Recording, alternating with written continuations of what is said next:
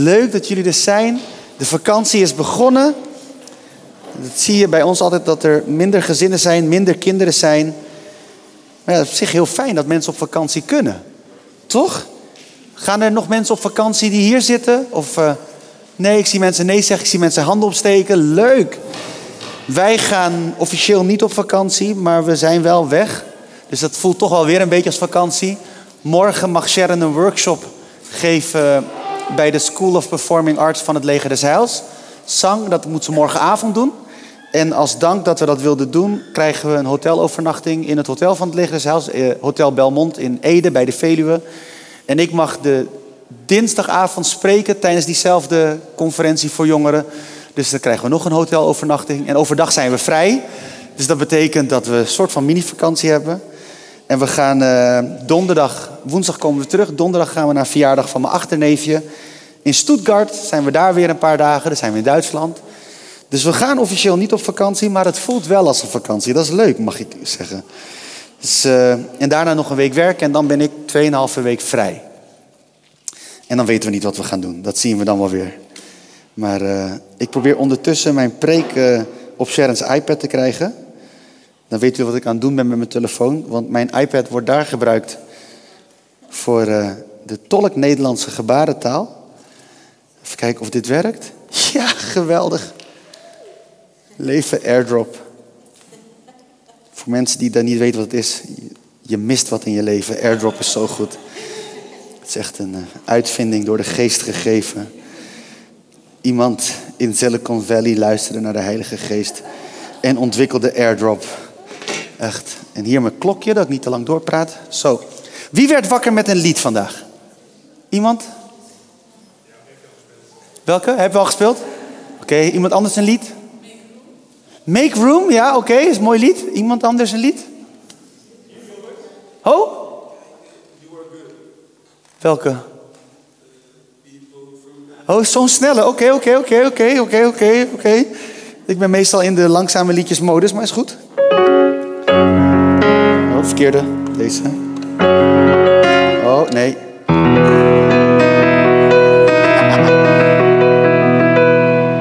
Uh, Nathan was afgelopen dinsdag jarig, dus we beginnen met die van hem. Het is een beetje hoog. Het is nog vroeg. Wacht. We gaan het proberen.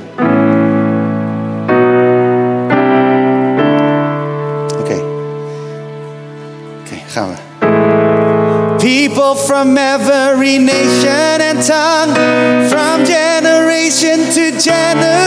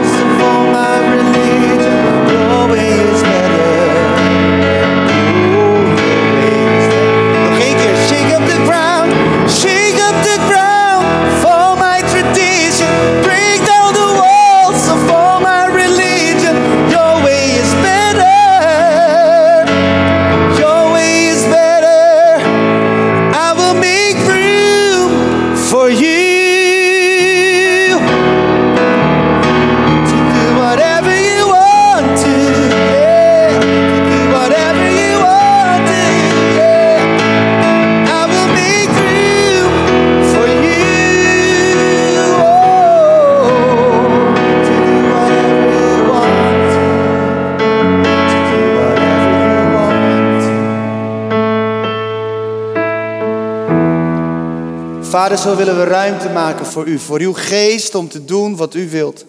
We willen ruimte maken voor u om te bewegen in ons leven, om te spreken tot ons hart. We willen ruimte maken voor u en voor u alleen. Dank u wel voor uw liefde, dank u wel voor uw goedheid, dank u wel voor uw trouw. Heer Jezus, we houden van u en, en, en we bouwen op u. We hebben u nodig. Dank u wel. En dank u wel, Heer, dat uw woord is als zaad dat uitgestrooid wordt. Heer, en dat wanneer we luisteren naar uw woord, dat mag zijn als zaad dat land in harten, wortel mag schieten, op mag springen, vrucht mag voortbrengen, die ere brengt aan u en aan u alleen. Opdat u in en door alles heen gezien en geëerd wordt. Vader, dank u wel dat wanneer uw woord open gaat, dat er licht verschijnt. Licht om ons te laten zien waar we vandaan komen, waar we naartoe gaan, waar we staan. En misschien nog het allermooiste, hoe we kunnen komen op de plek die u voor ons heeft. Want uw woord is een lamp voor ons voet en een licht op ons pad. Dank u wel voor uw woord. Dank u wel voor uw nabijheid hier in deze ruimte. In Jezus' naam. Amen. Amen. Zo. Wat een feest om samen te zingen, hè? Is leuk. Ik, ik hou ervan. Wacht, ik ga dit even. Nu lijkt het wel alsof ik heel veel standaard heb, maar dit is echt puur mijn klokje. Zo. Dat ik op tijd eindig. Dat is altijd belangrijk. En dan heb ik toch nog allemaal zijweggetjes en zo. Dus beter dat ik een klok heb. Nou, vandaag zijn we dus alweer bij onze vierde zaligspreking. De vierde alweer. We zijn alweer, dus dit is de vierde week dat we onderweg zijn. En ik ben eigenlijk benieuwd, hebben hier mensen al de leesplannen op YouVersion ontdekt? Die elke keer weer verder gaan op, uh, op de tekst. Een paar mensen, een paar mensen misschien. Het is heel leuk. Ik, ik had laatst gekeken. Alle leesplannen bij elkaar zijn al door zo'n 500 plus mensen gelezen. Dat is echt leuk. Dus er lezen echt dus meer mensen dan alleen Reconnect. Ik heb ook gekeken van de mensen die bij Reconnect horen. Zijn het er een stuk minder. Maar is niet erg. Ik blijf het gewoon herhalen. Weet je, dan doe je iets voor je kerk. En dan. Maar ik hou van jullie. Jullie zijn geweldig. En waarschijnlijk doen jullie allemaal mee. Maar al die mensen die thuis kijken. niet. maar als je het nog niet hebt gedaan. Er komt nu een QR-code in beeld. Als het goed is. Daar. En eh, als je die scant en je hebt de Bijbel-app, dan, uh, dan, dan ben je, kan je dus zeggen dat je deel bent van Reconnect. En dan krijg je dus elke zondag krijg je dan een bericht van dit is het aanbevolen leesplan en dat is de tekst van de week. En dan gaan we daarop verder met vijf overdenkingen door de week. Kan je gewoon lekker thuis lezen. zijn korte overdenkingen van rond de 300 woorden, tussen de 200 woorden en 300 woorden. Dat is een richtlijn van YouVersion. Dan blijven de meeste mensen aangehaakt. Klein stukje, niet heel veel diepgang, maar gewoon lekker simpel, eenvoudig. Eventjes iets kunnen lezen. Dus dat is leuk. En ik zei het dus al, er zijn al meer dan 500 leesplannen gestart. Zo'n 200 plus mensen hebben het afgemaakt. Zo zie je ook altijd bij YouVersion. Hoeveel mensen starten iets? Hoeveel mensen maken iets af? En morgen kan je dus starten met het leesplan. Dat de tekst van vandaag vanuit een ander licht bekijkt. Om zo tijdens de week aan de slag te gaan met de tekst van vandaag.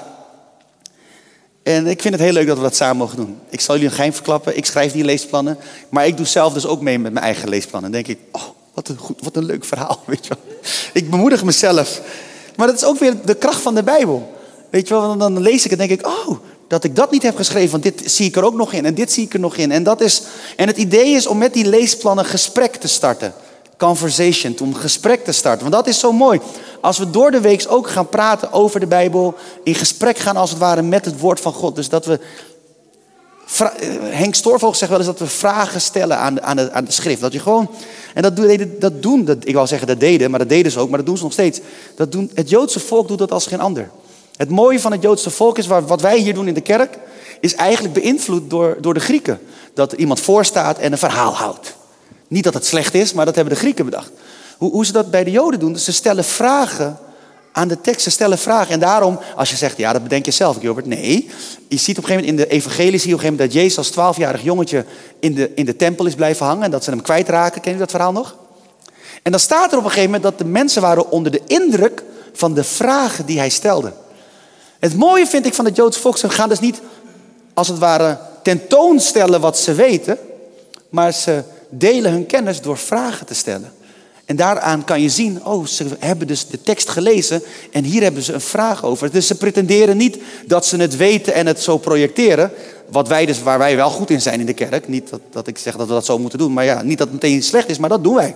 Ik sta hier, ik heb heel, heel lang de Bijbel gelezen en allemaal dingen onderzocht. En dan vertel ik jullie wat en dan zeggen jullie, oh wat slim, wat slim. Weet je wel, zo doen we dat in het Westen. Maar het Joodse volk echt, is veel mooier, die stellen vragen. Waardoor de mensen die het horen actief mee moeten gaan doen. Zou ik eigenlijk ook moeten doen, gewoon elke week een quiz. Gewoon een quiz, zodat mensen er wat mee doen. Want dat wil ik, dat er een gesprek start over dat woord. Want dan ga je ontdekken hoe rijk de Bijbel is. Ik, ik had het gisteren nog met iemand erover die zei... Ja, ik vind de Bijbel zo mooi. Want als je de Bijbel vergelijkt met al die oude boeken van, van Plato. Ja, er is al iemand die vindt Plato, die leest Plato voor de lol. Weet je wel. Of uh, wie had hij nou? Marcus Aurelius is ook zo'n gast. Leest hij voor de grap. Hij zei dat is zo ingewikkeld, maar de Bijbel is zo simpel. Ik zeg ja, dat is mooi. Maar wat ik van de Bijbel zo gaaf vind. Als je de Bijbel gewoon bekijkt, is het heel simpel. En dan ga je één laag dieper, dan ontdek je weer iets. Ga je nog een laag dieper, ontdek je weer iets. Ga je nog een laag dieper, ontdek je weer iets. En er zal nooit het moment komen dat je alles weet. Eén persoon die hier op aarde heeft gelopen, die wist het allemaal. Maar hij is het levende woord, dat Jezus. En wij allemaal, wij ontdekken telkens weer iets nieuws. En dat vind ik zo mooi van de Bijbel. En zo vandaag gaan we weer verder met onze zaligsprekingen. Dit is al de nummer 4. En dat, die komt uit Matthäus 5, vers 6. Matthäus 5, vers 6. Een bekende. En daar staat... Uh, Gelukkig wie hongeren en dorsten naar de gerechtigheid. Want zij zullen verzadigd worden. Gelukkig wie hongeren en dorsten naar gerechtigheid. Zij zullen verzadigd worden. En uh, het ding is, met deze tekst, als ik deze tekst lees, dan wil ik altijd heel snel gaan naar het woord gerechtigheid. En als je morgen meedoet met het leesplan, zal je ook ontdekken dat ik meteen ga naar gerechtigheid. Want daar wil ik over schrijven, daar wil ik over delen. Gerechtigheid is zo'n mooi woord. Gerechtigheid, Gods gerechtigheid, laat iets zien van wie God is. Het laat iets zien van zijn koninkrijk. Het laat iets zien van Gods karakter. Dat is toch te gek. En dan denk je, hoe mooi is het om te dorsten en te hongeren naar Gods koninkrijk, naar zijn gerechtigheid. Dus daar kan je meteen naartoe gaan. Maar ik dacht, vandaag doen we het anders. Ik dacht, vandaag blijven we hangen voor even bij, het, bij de twee woorden hongeren en dorsten. Hongeren en dorsten. Wanneer je honger hebt, dan geeft je lichaam aan dat het voedsel nodig heeft. Dat weten we allemaal, dat is eenvoudig, niet zo heel spannend. Hetzelfde geldt voor dorst. Dan heb je vocht nodig, water nodig. Wanneer je de honger niet stilt en de dorst niet lest, wat gebeurt er dan als je dat te lang doet? Heel goed, dan ga je dood. Dat is het antwoord. En dat klinkt misschien wat heftig, maar het is wel het gevolg van niet eten en niet drinken. En waarom ik hier begin is dat ik geloof dat het aangeeft hoe belangrijk gerechtigheid hoort te zijn in ons leven. Zonder gerechtigheid, zonder Gods gerechtigheid, sterft onze geestelijke mens. Dat is toch mooi om even te laten zinken.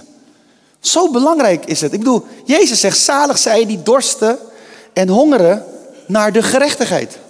Ik geloof dat hij daarmee wil zeggen, zalig zijn die mensen. Gezegend ben je als je een honger hebt naar dat. Want anders klopt er iets niet. En ik heb even nagedacht. Er zijn drie redenen waarom je geen honger kan hebben. Op zich drie redenen. Eerste is, je bent dood. Dode mensen hebben geen honger. Is echt waar. Echt waar. Tweede ding is, je bent ziek. Zieke mensen hebben ook geen trek. Vooral als je een man bent met griep. Waarom lachen alle vrouwen meteen? Die zeggen heel lelijk dit. Maar dan ben je ziek. Dan kan je, wil je eten? Nee, ik kan niet eten. Nee. Wil je, wil je, wil je? Nee, zelfs shawarma niet. McDonald's? Nee. Saté? Nee. Dan weet Sharon, oh Gil, je bent echt ziek. Zieke mensen willen niet eten. En het derde is verzadigde mensen.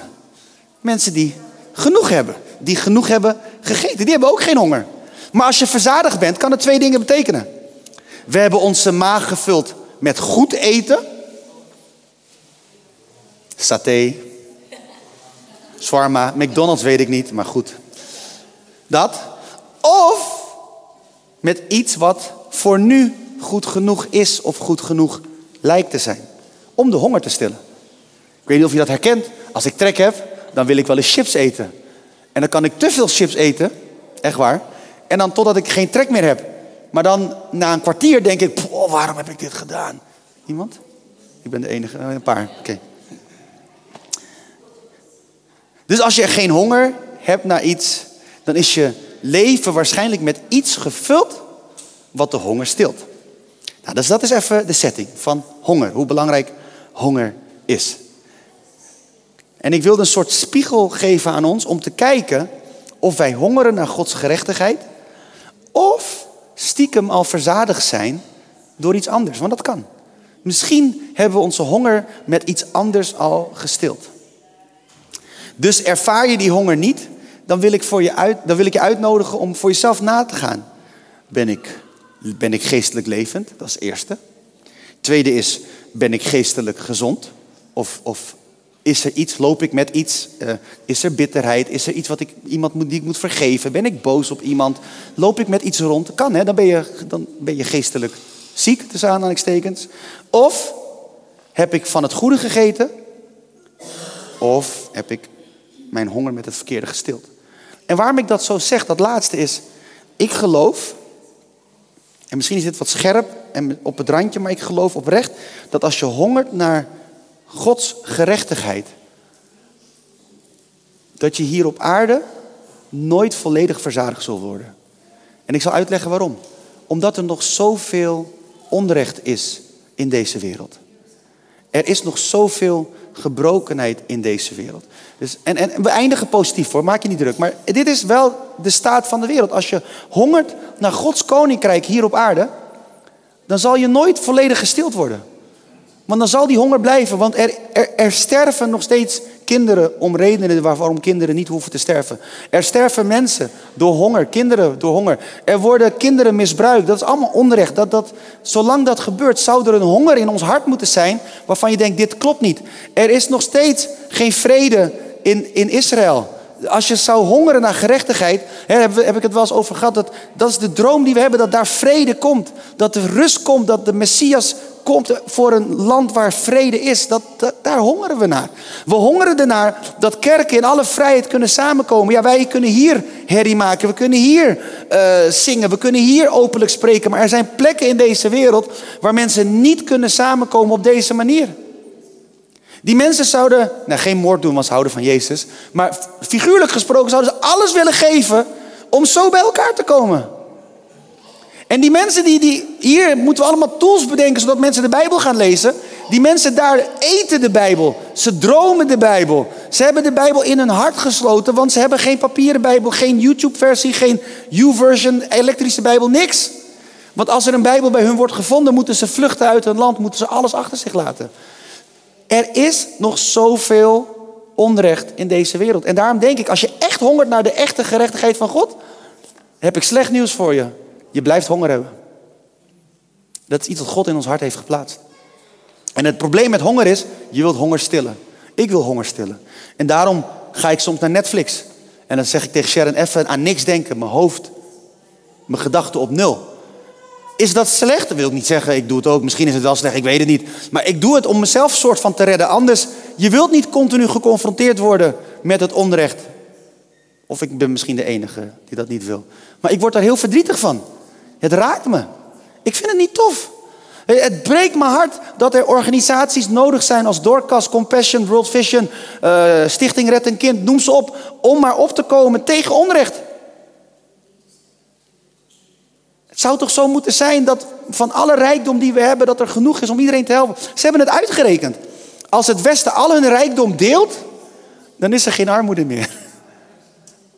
Dan is er meer dan genoeg. Is het niet eens zo dat we arm moeten leven, maar dan is er meer dan genoeg voor iedereen.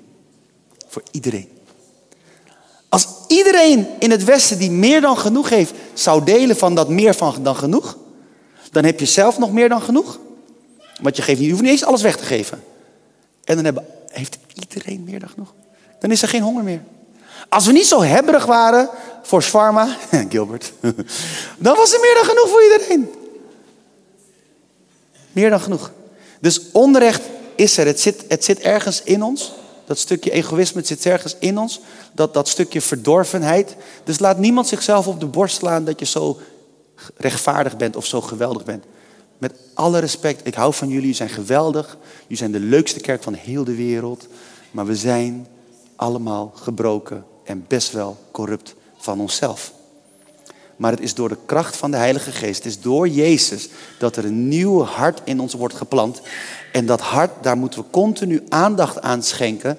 Want anders gaan we heel snel in die standaardmodus waar we weer voor onszelf zorgen. Dus ik geloof dat als je echt hongert naar Gods gerechtigheid, dat zolang we hier leven, dat we altijd honger zullen hebben. En er zullen momenten zijn dat we glimpes, glimpsen mogen zien van Gods gerechtigheid. Dat we glimpjes mogen zien van zijn koninkrijk. En dat even onze honger wordt gestild. Dat is dan een gezonde snack. Weet je, een gezonde snack. Dat is een fruitsnack. Een groentesnack. Het is een gezonde snack die goed is voor onze geest, goed is voor ons persoon, goed is voor wie wij zijn. Maar het zal nooit de volledige honger stillen. En daarom dus, als je die honger niet ervaart, check jezelf. Geen aanklacht, maar gewoon een spiegel. Die ik ook voor mezelf heb gehouden. Was niet leuk deze week. Dat ik in mezelf ging kijken, wat, wat, wat, wat is er nog egoïstisch in mij? Wat, wat zet mezelf op de eerste plek? Wat, wat kiest voor comfort in plaats van het, het, het onbehagelijke aangaan? En, en, en mijn hart laten breken voor de dingen waarvoor Jezus hart breekt. Want Jezus zijn hart breekt voor onrecht. Nou, tot zover de bemoedigende inleiding, jongens. Vanaf nu wordt het alleen maar leuker. Want voordat we verder gaan, nog even naar de zaligsprekingen die we al hebben gehad. De eerste sprak over de zegen die schuilt in totale afhankelijkheid van God. De tweede sprak over de zegen die schuilt in je hart laten breken voor dat wat Gods hart breekt. En vorige week ging het over de zegen die rust op zachtmoedigheid. Wanneer we ondanks al het onrecht niet verbitterd raken, maar moedig zacht blijven tot eer van Jezus. En dan komt de zaligspreking van vandaag. Zie je dan hoe mooi het verder bouwt? Hoe, zie je de structuur? Vanuit totale afhankelijkheid gaan we naar een hart dat treurt en rouwt om dat wat Gods hart breekt. Om dan vanuit zachtmoedigheid te blijven geloven en te vertrouwen dat God God is en dat Hij de wereld in zijn handen houdt. Waardoor we kunnen blijven hongeren en dorsten naar Gods koninkrijk hier op aarde. Zie je het? Nog één keer. Vanuit totale afhankelijkheid gaan we naar een hart dat treurt om dat wat Gods hart breekt. Om dan vanuit zachtmoedigheid te blijven geloven en te vertrouwen dat God God is en dat Hij de wereld in zijn handen houdt, waardoor we kunnen blijven hongeren en dorsten naar Gods gerechtigheid. Want je hebt dat nodig. Weet je, we hebben het nodig om totaal afhankelijk te zijn. We hebben het nodig om ons hart te laten breken voor de dingen waarvoor Gods hart breekt. We hebben het nodig dat we zachtmoedig zijn, waar we vorige week bij stilstonden. We hebben het nodig dat we zachtmoedig zijn omdat we dan blijven geloven en blijven vertrouwen dat God God is en dat Hij, zijn wereld, dat hij de wereld in zijn handen houdt. En daardoor kunnen we blijven hongeren en dorsten naar Gods koninkrijk hier op aarde. Ik geloof met heel mijn hart, als we die eerste drie stappen niet doen, dan lukt het niet om te kunnen blijven hongeren en te kunnen blijven dorsten naar Gods koninkrijk, naar zijn gerechtigheid. Want dan ga je op een gegeven moment teleurgesteld raken en dan breekt je hart op een gegeven moment volledig en dan denk je, laat maar zitten, het hoeft niet. Want God doet het niet. Dat denk je dan. Terwijl ik geloof dat God ons ook ergens verantwoordelijkheid gegeven heeft. Ja, God is 100% soeverein. Maar op de een of andere manier is er een gekke dans waarin Hij soeverein is, maar Hij ons tegelijk ook verantwoordelijkheid geeft. En ik vind het heel bijzonder dat een soevereine God verantwoordelijkheid geeft aan mensen die zo egoïstisch kunnen zijn. Ik vind het heel knap. Ik zou het niet kunnen. Echt niet. Ik ben absoluut niet soeverein in ons huis. Dat is Sharon. Nee. Grapje. Ik weet het niet. Dat is een dans. Laten we daarop houden. Maar soms denk ik wel dat ik soort van autoriteit heb in ons huis. In ieder geval over onze dochters. Maar ik geef hen echt niet volledige verantwoordelijkheid. Dan gaat het mis. En toch kiest God ervoor om ons verantwoordelijkheid te geven. Hoe bijzonder is dat? Ik zal het nooit snappen. En misschien ooit in de hemel ga ik vragen: Heer, waarom deed u dit? U weet toch hoe dom we zijn? U weet toch? Iemand zei ooit van. Uh, Je hoeft niet bang te zijn dat je Gods plan met jouw leven of met de wereld dwarsboomt. Want zoveel macht heb je niet. En dan, sta, en dan zegt die persoon op een gegeven moment: uh, He factored in your stupidity. Hij heeft dus jouw stomzinnigheid, daar heeft hij rekening mee gehouden. Denk ik, ja, zo bijzonder, dat is God. Maar goed, ik heb het al een paar keer gezegd. Wanneer ik het woord gerechtigheid zie en erover nadenk, dan denk ik aan Gods koninkrijk. En ik wil nog één keer uitleggen waarom. Omdat Gods koninkrijk een koninkrijk van gerechtigheid is. God is de God van gerechtigheid. Gerechtigheid komt in beweging tegen alles wat onrechtvaardig is. En zo mooi om dat te beseffen dat Gods koninkrijk een koninkrijk van recht is, waar er geen plek is voor onrecht. Maar in deze gebroken wereld, zoals ik al zei, is er nog zoveel krom. En dat doet me denken aan de woorden van Jezus in Matthäus 11, vers 12. In de oude NBG-vertaling, ik weet niet wie is opgegroeid met NBG 51? Een paar mensen, ja. Ik ben met die vertaling opgegroeid. Staat daar dat het koninkrijk van God baan breekt met geweld en de geweldenaars ernaar grijpen. Kent iemand die tekst? Het koninkrijk van God breekt baan met geweld en de geweldenaars grijpen ernaar. Nee? Ik snapte die tekst nooit. Ik snapte helemaal niks van die tekst. Maar als ik het in deze context lees, dan snap ik het opeens wel. Want het koninkrijk van God breekt baan met. Het moet met geweld doorbreken. Want deze wereld is zo onrechtvaardig. Deze wereld is zo egoïstisch. Deze wereld is zo, weerspiegelt zo niet wie God is. En als Gods koninkrijk wil doorbreken in deze wereld, dan is daar kracht voor nodig. En dan staat er, en geweldenaars grijpen ernaar. Dat zijn de mensen die, ernaar, die erin geloven en zeggen, koste wat kost, wat de cultuur ook zegt, hoe de wereld ook is, hoe, hoe, hoe gek mensen me ook vinden. Ik grijp naar het recht van God tegen alles in. En dat is de keuze die de MBG heeft gemaakt. De vertalers van de MBG hebben deze tekst op deze manier vertaald. Nieuwere vertalingen die kiezen een andere weg. Die zeggen dat het koninkrijk van God geweld wordt aangedaan. En dat geweldenaars er, er, er tegen vechten. Zo kan je het ook zien. Is ook waar. En het is ook zo, want het koninkrijk van God, toen Jezus kwam naar de aarde, bracht hij het koninkrijk van God met zich mee. Dat heeft Jezus ook gezegd. Het koninkrijk van God is hier. Maar het koninkrijk van God wordt geweld aangedaan door deze wereld. Door het onrecht van deze wereld. Die knokt tegen het recht van God. En steeds meer vertalers kiezen voor deze uitleg. Maar hoe je het ook vertaalt. Je ziet in beide vertalingen eigenlijk naar voren komen dat Gods koninkrijk hier een vreemde is. En nog niet thuis is hier. En hoe mooi dat God er dan toch voor kiest om zijn koninkrijk door Jezus dichtbij te brengen. En ons van tijd tot tijd te zegenen met glimps van zijn koninkrijk. Jezus zegt, gezegend zij die hongeren en dorsten naar, naar gerechtigheid. Gezegend ben je wanneer je een honger hebt naar Gods gerechtigheid, naar Gods orde, naar zijn koninkrijk. Want die honger is niet voor niets. Die honger zal verzadigd worden. Niet door iets neps, maar je mag uitzien naar Gods koninkrijk hier op aarde. En zolang dat nog niet zo is, mag je nu al van tijd tot tijd knipogen zien uit de hemel. Zodat je vast kan houden tot het moment daar is. En waarom zeg ik dit? Ik wil je aanmoedigen, blijf bidden.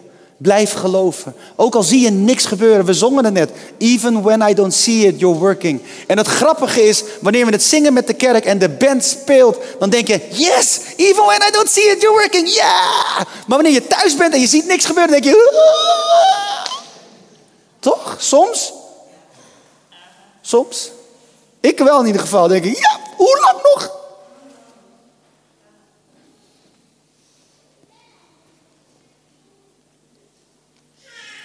Even when you don't see it, He's working. Hou vast. Hou vast. Hou vast. Een laatste gedachte en dan ben ik klaar. Wanneer je echte honger hebt en een diepe dorst ervaart naar iets, dan zal je alles, maar dan ook alles doen om die honger en dorst te stillen.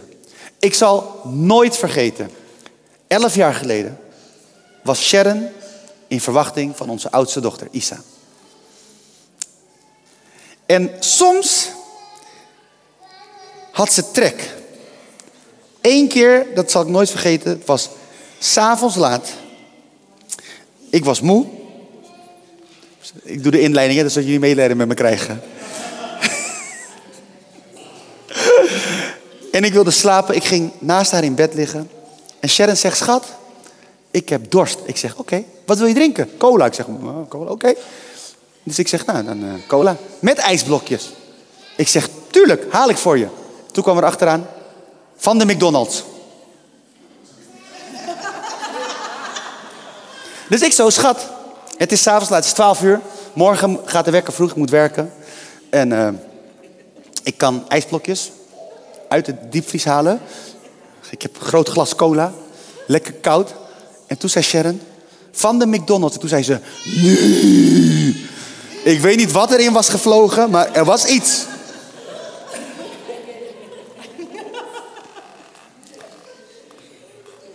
Waarom deel ik dit?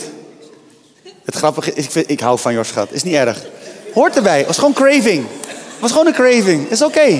Maar het is gewoon een mooi voorbeeld. Waarom ik het deel is, zij had echte craving. Een echte diepe dorst naar cola van de McDonald's. En niets, maar dan ook niets. Geen slaperige man, geen luie man, geen omgeklede man. Niets zou haar tegenhouden om die cola te krijgen van de McDonald's. En daar moeten we van leren. Want als wij hongeren naar Gods gerechtigheid, dan moet niets, maar dan ook niets ons tegenhouden om ervoor te gaan. Maar dan ook echt niets. Dan moet je er echt, als zegt iemand, ja, maar het is echt onlogisch, dit, nee, nee, nee. Nee.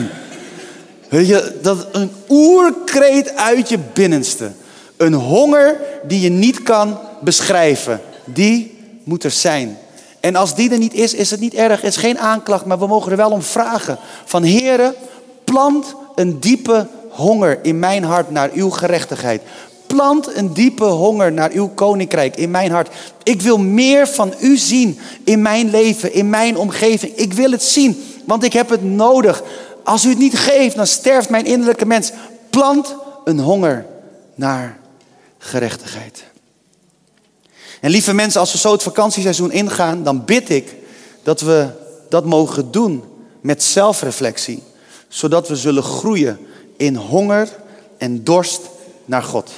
In honger en dorst naar zijn gerechtigheid. En in, in, en in honger en dorst naar zijn koninkrijk. En ik wil een moment bidden. Met een ieder die zegt van, hé hey Gilbert, ik wil dat. Ik wil die honger en die dorst naar God. En ik herken er dingen van, maar ik heb vaak genoeg die honger en dorst gestild met andere dingen.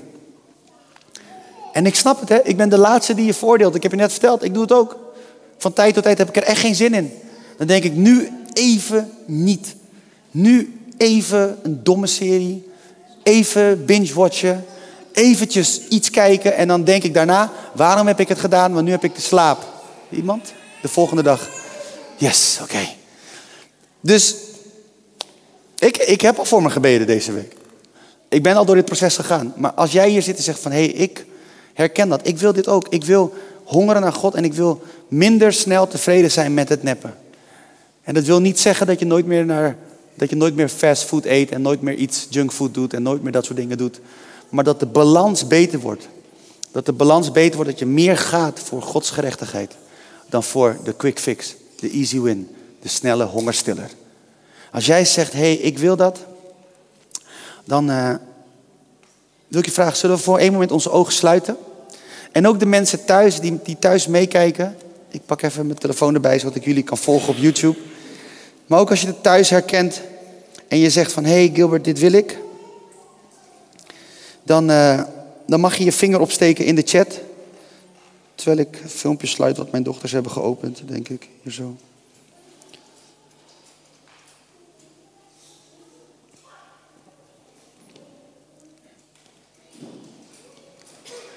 Ik hoop dat de mensen thuis me hebben gehoord, want ik zie iemand zeggen, kan Gilbert iets harder? Maar ik denk dat dat aan het begin van de preek was. Dus ik hoop, ik hoop dat jullie me konden horen. Maar als jij, uh, als jij die persoon bent die zegt van hé, hey, ik wil die honger. Heere, zegen mij met die honger naar u. Ik wil die weg gaan met u. Die oncomfortabele weg. En ik denk dat uh, mensen het wel konden horen, want ik zie al vingers omhoog gaan in de chat. En als jij hier bent en je zegt, ik wil dat, terwijl iedereen zijn ogen sluit, mag ik even je hand zien, dan weet ik met wie ik kan bidden. En dan wil ik voor je bidden. Ik wil met je bidden, want dat oncomfortabele, die honger naar Gods gerechtigheid. In de chat zie ik ook veel handen omhoog gaan. Ik zie hier handen omhoog gaan. Mooi. Lieve mensen, ik, ik wil voor jullie bidden. Laten we bidden. Vader, dank u wel. U heeft de handen gezien thuis. U heeft de handen gezien hier in de zaal. U heeft al die handen gezien. En ik dank u wel, heren, dat we met elkaar mogen uitstrekken naar u. Heren, we willen die honger naar u. We willen meer van u in ons leven. We willen meer van u zien in ons leven. En we willen minder snel genoeg nemen met het neppen. Heer, dank u wel. Give us the real deal. Give us the real stuff. Give us your kingdom. Geef ons uw koninkrijk. Geef ons uw gerechtigheid. Willen u zien in ons leven. En Heer, als we deze periode van vakantie ingaan, Heer, laat het een periode zijn van rust, van zelfreflectie. Heer, een periode zijn waarin we mogen groeien, meer en meer naar u toe. Dat we meer en meer op u mogen lijken. Heer, laat het zijn dat u meer en meer zichtbaar wordt in ons leven. Koning Jezus, wij hebben u nodig. En Heilige Geest, dank u wel dat u in onze harten wilt werken op dit moment. En ieder van ons, Heer, en ieder die zijn hand heeft opgestoken, dat u wilt raken, dat u iets tot leven wilt brengen, zodat er vanzelf honger ontstaat. Heer Jezus, dank u wel. Heer, dat we meer mogen wandelen in uw leven, zodat we ook meer mogen dorsten naar u. Heer, dank u wel daarvoor, dat u dat wilt doen. In Jezus' naam. Amen. Amen. En als je hier bent, of je kijkt thuis mee, je zegt van ja Gilbert, mooi dat we gingen bidden voor honger, maar als ik heel eerlijk ben, ik, ik leef nog niet eens voor Jezus. En dat kan hè, dat kan. Misschien zit je hier, misschien kijk je thuis en, en je volgt Jezus nog niet in jouw dagelijks leven. Je hebt geen flauw idee wat ik daarmee bedoel misschien als ik dat zo zeg. Misschien heb je de hele preek hier gezeten en denk je van waar heeft die gast het over? Honger naar gerechtigheid. En dan heeft hij het over shawarma. En dan opeens over cola van de McDonald's. Waar gaat dit over? Maar terwijl je die vragen hebt, resoneert er wel iets in je hart. Want je denkt van, maar ik wil er wel meer van weten. Ik wil wel meer weten over die Jezus. Ik wil meer weten over dat leven met Jezus. En als jij hier zit en zegt, ik wil dat. Of je kijkt thuis mee en je zegt, ik wil dat. Dan terwijl iedereen zijn ogen sluit, dan wil ik je de kans geven om je hand op te steken zometeen. Als jij zegt, ik wil dat, dan mag je hand opsteken. En dan geloof ik, dan gaan we samen bidden. En dan geloof ik dat God door zijn geest iets tot leven wekt in jou. Dat, dat, ja, dat klinkt ook weer zo spannend natuurlijk. Maar wat het eigenlijk betekent is dat. Ja, vroeger had je daar een liedje over. Of vroeger. is een musical, The Greatest Showman. En daar zingen ze Come Alive. Dat je, you come alive. Je, je komt tot leven. Je ogen gaan open. Of als je de Matrix kent, je stapt uit de Matrix. Sorry, ik hou van films. Ik denk soms in films. Maar als jij die persoon bent zegt van ik wil dat, dan uh, mag je hand opsteken terwijl je weer zitten. Gewoon niks fancy, niks spannends, maar je mag je hand opsteken en dan wil ik met je bidden. Als jij die persoon bent. En uh, ik zie een hand omhoog gaan. Ik wacht nog even op de mensen thuis. Of er nog mensen thuis zijn die hun hand op willen steken. En terwijl we nog even wachten, wil ik vragen of iedereen wil gaan staan. Laten we met elkaar gaan staan. Let's stand together. En, uh, en dan wil ik uh, bidden. En ik, ik doe een gebed. En vorige week deed het al voor het eerst, maar we gaan het nu vaker doen. We, we doen het gebed in het Engels. Want we hebben ook Engelstalige mensen in de zaal. En uh, de meeste mensen hier verstaan een soort van Engels, denk ik. En dan, uh, waarom we dus in het Engels doen, want dan bid je als Engelstalige niet in je uppie. Snap je? Dus dan bidden we allemaal Engels. Zo dienen we elkaar. En ik moet ook mijn Engels upgraden daardoor. Maar ik bid, ik, ik bid en dan wil ik jullie vragen om me na te bidden. And I will switch to English. And then I'll pray, you pray after me. Say, Lord Jesus, thank you for your word. Thank you for your love. And thank you for your faithfulness. And today I stand before you and I ask you to come in my heart, to come into my heart and to fill me with your Holy Spirit. Make me new. Cleanse me.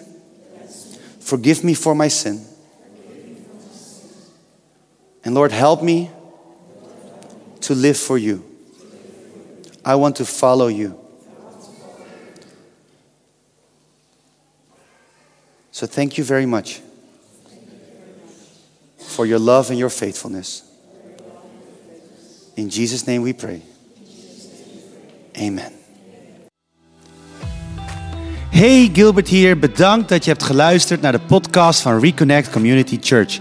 Ik hoop en bid dat je er niet alleen door bent bemoedigd of geïnspireerd, maar dat deze uitzending jou ook weer meer heeft mogen wijzen naar Jezus en zijn liefde, genade en trouw voor jou en voor mij. En als jij, net als wij, ook enthousiast bent over deze podcast, dan kan je ons helpen door je te abonneren op ons kanaal en deze overdenking te delen met vrienden en bekenden. Mocht je ons ook financieel willen ondersteunen, dan kan dat via reconnect.cc/geven. Je helpt ons dan om dit te blijven doen, zodat wij mede dankzij jouw steun mensen kunnen blijven bereiken met het goede nieuws van Jezus. Bedankt voor je betrokkenheid en je support.